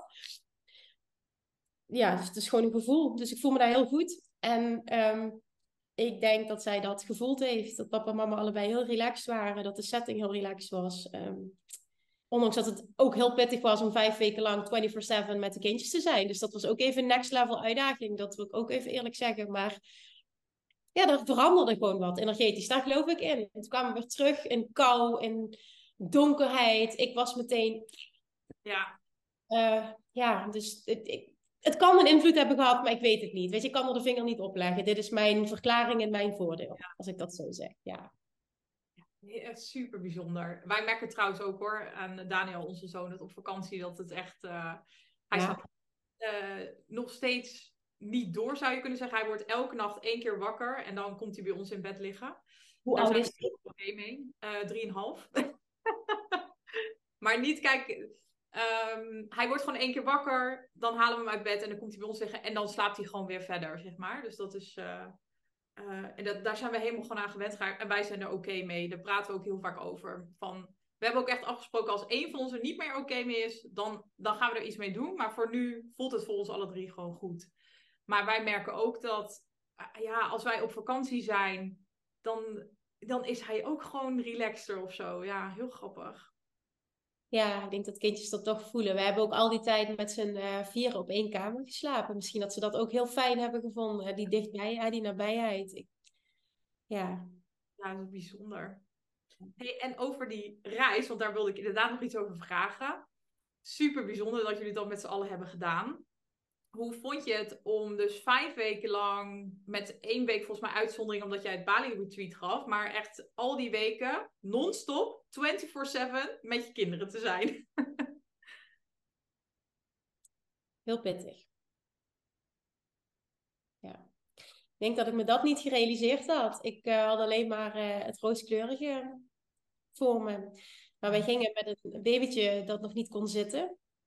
Dus dat echt continu zorg nodig had.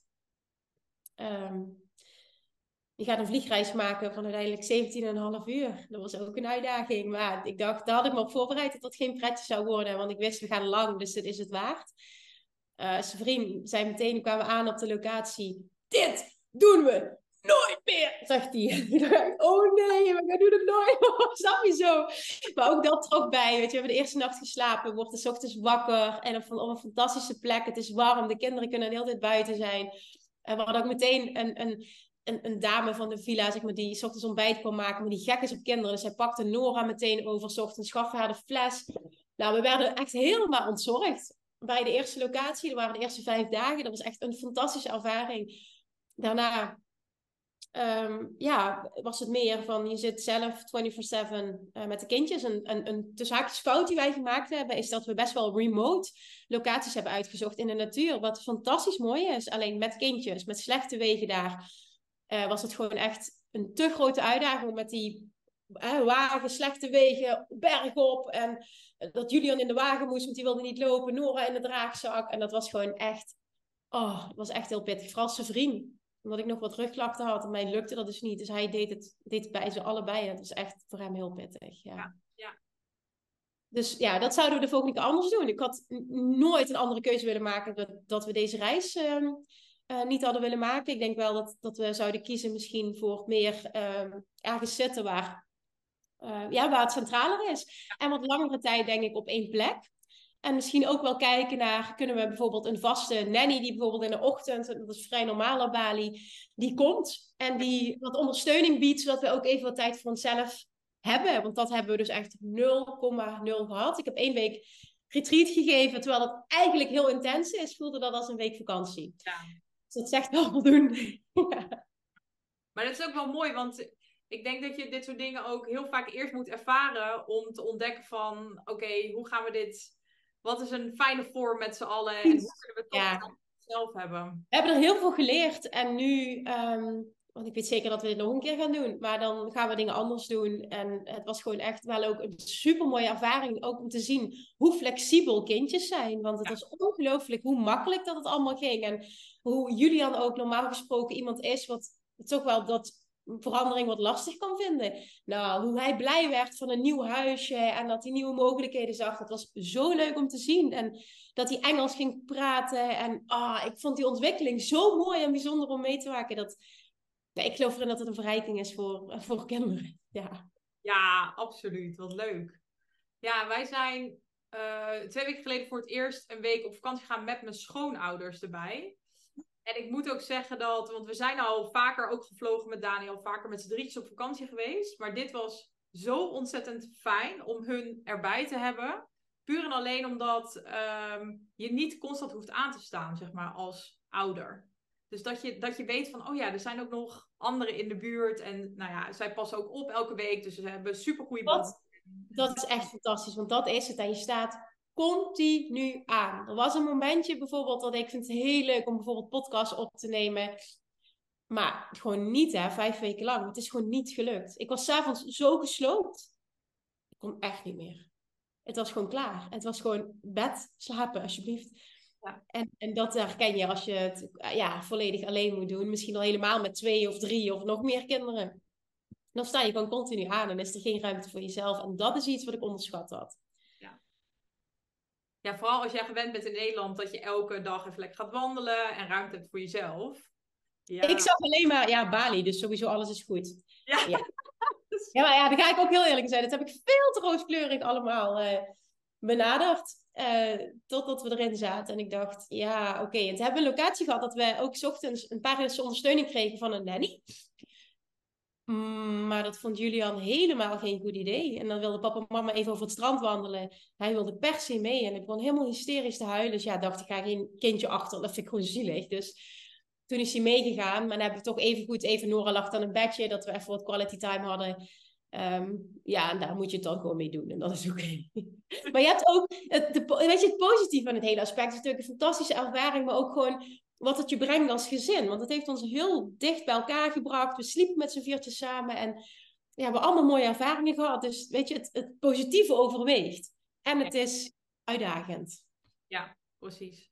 Dat merk ik ook hoor. Dat met, met vakanties, het is ook fijn omdat je zelf even uit je normale routine bent. Even niet met werk bezig, meer bezig bent met zijn. En ik merk ook dat ik dan gewoon, ja, toch een andere connectie heb of zo met Daniel. Dat je, veel, dat je er veel meer bent of zo. Ja, dat.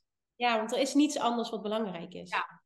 Ja, ja en daarom is dit ook zo goed. Dus ja, ik vind het ook fantastisch als mensen dat doen. Ik vind het ook zo inspirerend dat er, ik volg een aantal gezinnen die dan met hun kids uh, ergens anders zijn gaan wonen bijvoorbeeld, hè, zijn geïmmigreerd. Ik denk, oh, ik vind dat zo tof. Ik geloof zo dat dat een verrijking kan zijn voor de ontwikkeling van je kind.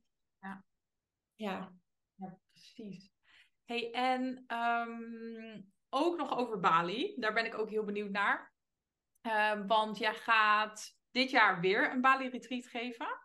Maar nu ga je alleen. Ja.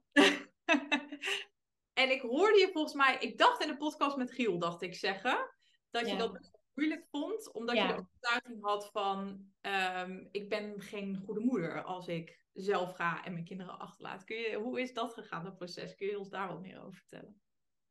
Ja, nou ja, ik heb het retreat gegeven inderdaad. En ik deed dat voor ik de eerste keer zwanger werd. Um, ja, had ik dat pas de één keer gedaan, maar de bedoeling was om dat elk jaar te gaan doen.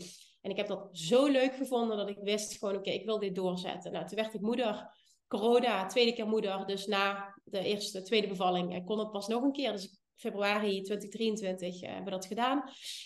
En zijn vriend heeft vijf weken vakantie gepakt in die periode. Hij heeft een baan in loondienst. Ja, andere regels. Hè? Die vrijheid die ik heb als ondernemer, die heeft hij toch anders. En toen hebben we het erover gehad. Ik zeg, nou, ik wil het Bali sowieso weer gaan doen. En afhankelijk van of jij mee wil, hè, hoe jij dat ziet, want ik wil jou daar ook een, keuze in laten. Um, ga ik of weer in diezelfde periode dat we met het gezin gaan, hè, dat we daar iets regelen. Of ik ga in november, zoals ik het eerst ook deed, vond ik een fijnere periode, ook qua weer en dergelijke. Ehm, ja, dan gaan we het voortzetten en dan ga ik alleen. Hoe moeilijk dat ik dat ook vind. Ehm, maar dan gaan we het zo doen. toen heeft hij daar even over nagedacht. Zei hij, nou, ik denk dat het beter is dat jij alleen gaat. En dat ik mijn vrije dagen opspaar voor onze vakantie samen. Ik zeg, nou, daar kan ik me in vinden. En ja, toen ben ik door een proces heen moeten gaan dat ik er oké mee was. Dat ik uh, voor mijn gevoel mijn kinderen dat aandeed. Um, tot ik ook wel tot de conclusie kwam die week dat ik op Bali zat met het gezin. Ik heb ze nauwelijks gezien, behalve ochtends vaak voor het ontbijt, omdat mijn dagen van 7 tot 11 waren. Nou, dan lagen we al in bedje. Dus en ze waren wel dichtbij, maar het is ook niet dat ik ze echt gezien heb. En ik denk persoonlijk dat ik er meer last van heb dan dat de kindjes er last van hebben. En toen ik die realisatie had, dacht ik, het is eigenlijk heel egoïstisch wat jij doet. En op het moment dat jij hier heel gelukkig van wordt, is dat ook iets heel moois wat je je kinderen op die manier kan meegeven. En ja, toen heb ik toch het besluit genomen. Aan de andere kant, het voelt ook fantastisch om dit voor mezelf te kunnen doen. Ja, dat vind ik ook fantastisch. Gisteren zei iemand van, ja, dan kunnen we misschien samen vliegen. En ik dacht, nee, nee, maar ik wil juist weer even alleen. Ik wil alleen dit ervaren. Dus ik kijk er ook enorm naar uit om dit alleen te kunnen doen. Het is heel dubbel. Ik ga ze verschrikkelijk missen, dat weet ik nu al. Ik wil niet weten hoe moeilijk het afscheid gaat zijn. Maar het voelt ook als een goede keuze. Maar ik denk ook, dat was ook een van mijn soort van openbaringen op een gegeven moment toen ik al wat langer moeder was. Dat, um, dat er gewoon hele grote contrasten zitten in het moederschap. Dus dat je aan de ene kant heel veel behoefte hebt om dingen voor jezelf te doen. En als je dat vervolgens doet, dat je je kind heel erg mist. Maar dat, dat denk ik de, uh, dat het hem eigenlijk zit in dat accepteren dat dat er gewoon allebei is. Dat die hele grote contrasten er gewoon zijn en naast elkaar bestaan. Ja, dat zeg je mooi. En ook denk ik dat, je, dat, dat het niet per se negatief is voor een kind als de, de, een van de ouders of hè, beide ouders even weg zijn. Daar moest ik mezelf even overheen zetten. Ja. ja. Dat is heel mooi. Het is en en inderdaad. Ja. Het gaat en moeilijk, dat kan ik me nu al voorstellen, dat het en heel moeilijk gaat zijn. En aan de andere kant ook heel bevrijdend. Ja. En dat dat naast elkaar kan bestaan. Dat het oké is. Ja, mooi. Hey, en wat je net omschreef, is misschien wel een mooie afsluiting. Want het is natuurlijk een heel mooi voorbeeld van hoe jij het ondernemerschap met het moederschap combineert. En het begin van deze aflevering, van dit gesprek, zei je. Ehm, nou ja, ik, mijn beeld van het moederschap was dat als ik moeder zou worden, dat mijn leven voorbij is. En dat ik niet meer de ambitieuze ondernemer kan, kan zijn. Hoe kijk je daar inmiddels naar? En hoe is dat gegaan twee kinderen later? Ja, dat beeld is volledig veranderd. Ik ben nog steeds heel ambitieus, maar ik heb geleerd dat juist met minder tijd dat je ontzettend goed wordt in focus op de dingen die echt belangrijk zijn. En mijn bedrijf is juist enorm gegroeid ook op alle vlakken sinds ik moeder ben geworden. Er is ontzettend veel groei met veel minder werken. Dus het heeft me ook enorm gediend dat ik die ervaring mag hebben. Ik hoef niet vijf dagen volle bak continu aan te staan om ehm, ja, mijn ambitieuze doelen dan maar te, te behalen, als het ware. Ben ook heel erg gaan relativeren en, en, en ben dingen minder belangrijk gaan vinden, waardoor de druk ervan af is. Wat natuurlijk ook een positief effect heeft op alles wat, hè, wat, je, wat je wil. En het heeft me ook in een positie gebracht dat ik gewoon dingen anders ben gaan doen. En, en ik wilde eh, op een plek komen dat ik sowieso één dag volledig voor de kinderen had uh, als mamadag. En dan ook echt volledig voor de kinderen kon zijn. Dus die positie. Plus op het moment dat er iemand ziek is, dat ik er altijd kan zijn, dat ik ze op kan halen. Dat. Daar wil ik komen op die plek. Ja, toen ben ik gewoon mijn bedrijf zo gaan inrichten. En, en heel veel uh, shit losgelaten die echt niet belangrijk is. Ook niet voor groei. Waardoor ik gewoon toch wel heel goed ben geworden in een korte tijd. Heel efficiënt. Bepaalde dingen doen die matter. En ja, daardoor, ik denk dat het gewoon mijn bedrijf enorm gediend heeft. En dat het, omdat het mijn ontwikkeling ook zo gediend heeft. Ik geloof erin dat dat een positieve invloed heeft ook op je business. Ja, de moeder worden heeft me gewoon business-wise enorm gediend. Ik ben nog steeds heel ambitieus en ik zie nu dat het en-en kan zijn. En dat het juist een heel positief effect kan zijn. En ehm, ik vind het heel inspirerend om mijn kinderen mee te kunnen geven je kan doen in het leven wat je wil. Je kan er vet succesvol mee zijn, wat de definitie van succes dan ook maar is, hè, voor jou, voor iemand. En je kan het ook volledig inrichten op je eigen voorwaarden. Ja. En dat wil ik ze graag meegeven. En dan vind ik het fijn om daar een voorbeeld van te kunnen zijn. Dus ja. het is compleet geshift, dat is de conclusie. ja. Heel tof. En ik voel deze ook. Ik ben nog maar anderhalf jaar ondernemer natuurlijk, maar ik voel dit ook heel erg. Ja, ja hoe mooi is het? dat ik dit aan hem kan meegeven. Nou ja, en dat je dit doet, hè? Dat je dit soort gesprekken mag hebben met mensen. En, ja. Ja, ja dat, ik had je niet geloofd als, als iemand mij dit vier, vijf jaar geleden had verteld. Was jij ook iemand die niet per se uh, kinderen wilde? Of was bij jou dat verlangen wel heel sterk? Nee, het verlangen was ook niet heel sterk.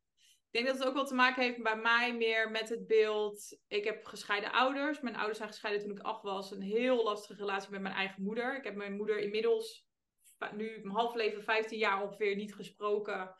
Onlangs weer een beetje in contact gekomen met haar, maar is ook weer niet helemaal uh, wat ik ervan verwacht had. Um, dus ik denk dat mijn beeld van het moederschap daar heel erg door is gevormd. Um, zeg maar het perspectief wat ik daarop had. En ik, had, ik heb ook een vriend die al veel sneller zoiets had van, nou, ik zou wel kinderen willen. En uiteindelijk wat mij heel erg heeft geholpen is dat ik een, ik weet niet meer hoe het boek heet. Ik moet hem nu echt gaan terugzoeken, want ik heb hem al eerder in een interview genoemd. dat was een boek wat je, wat je helpt als je dus niet weet of je kinderen wilt of niet. Oh. Is sturend, in de zin van dat de uitkomst is dat je sowieso kinderen wilt. Het is echt een heel...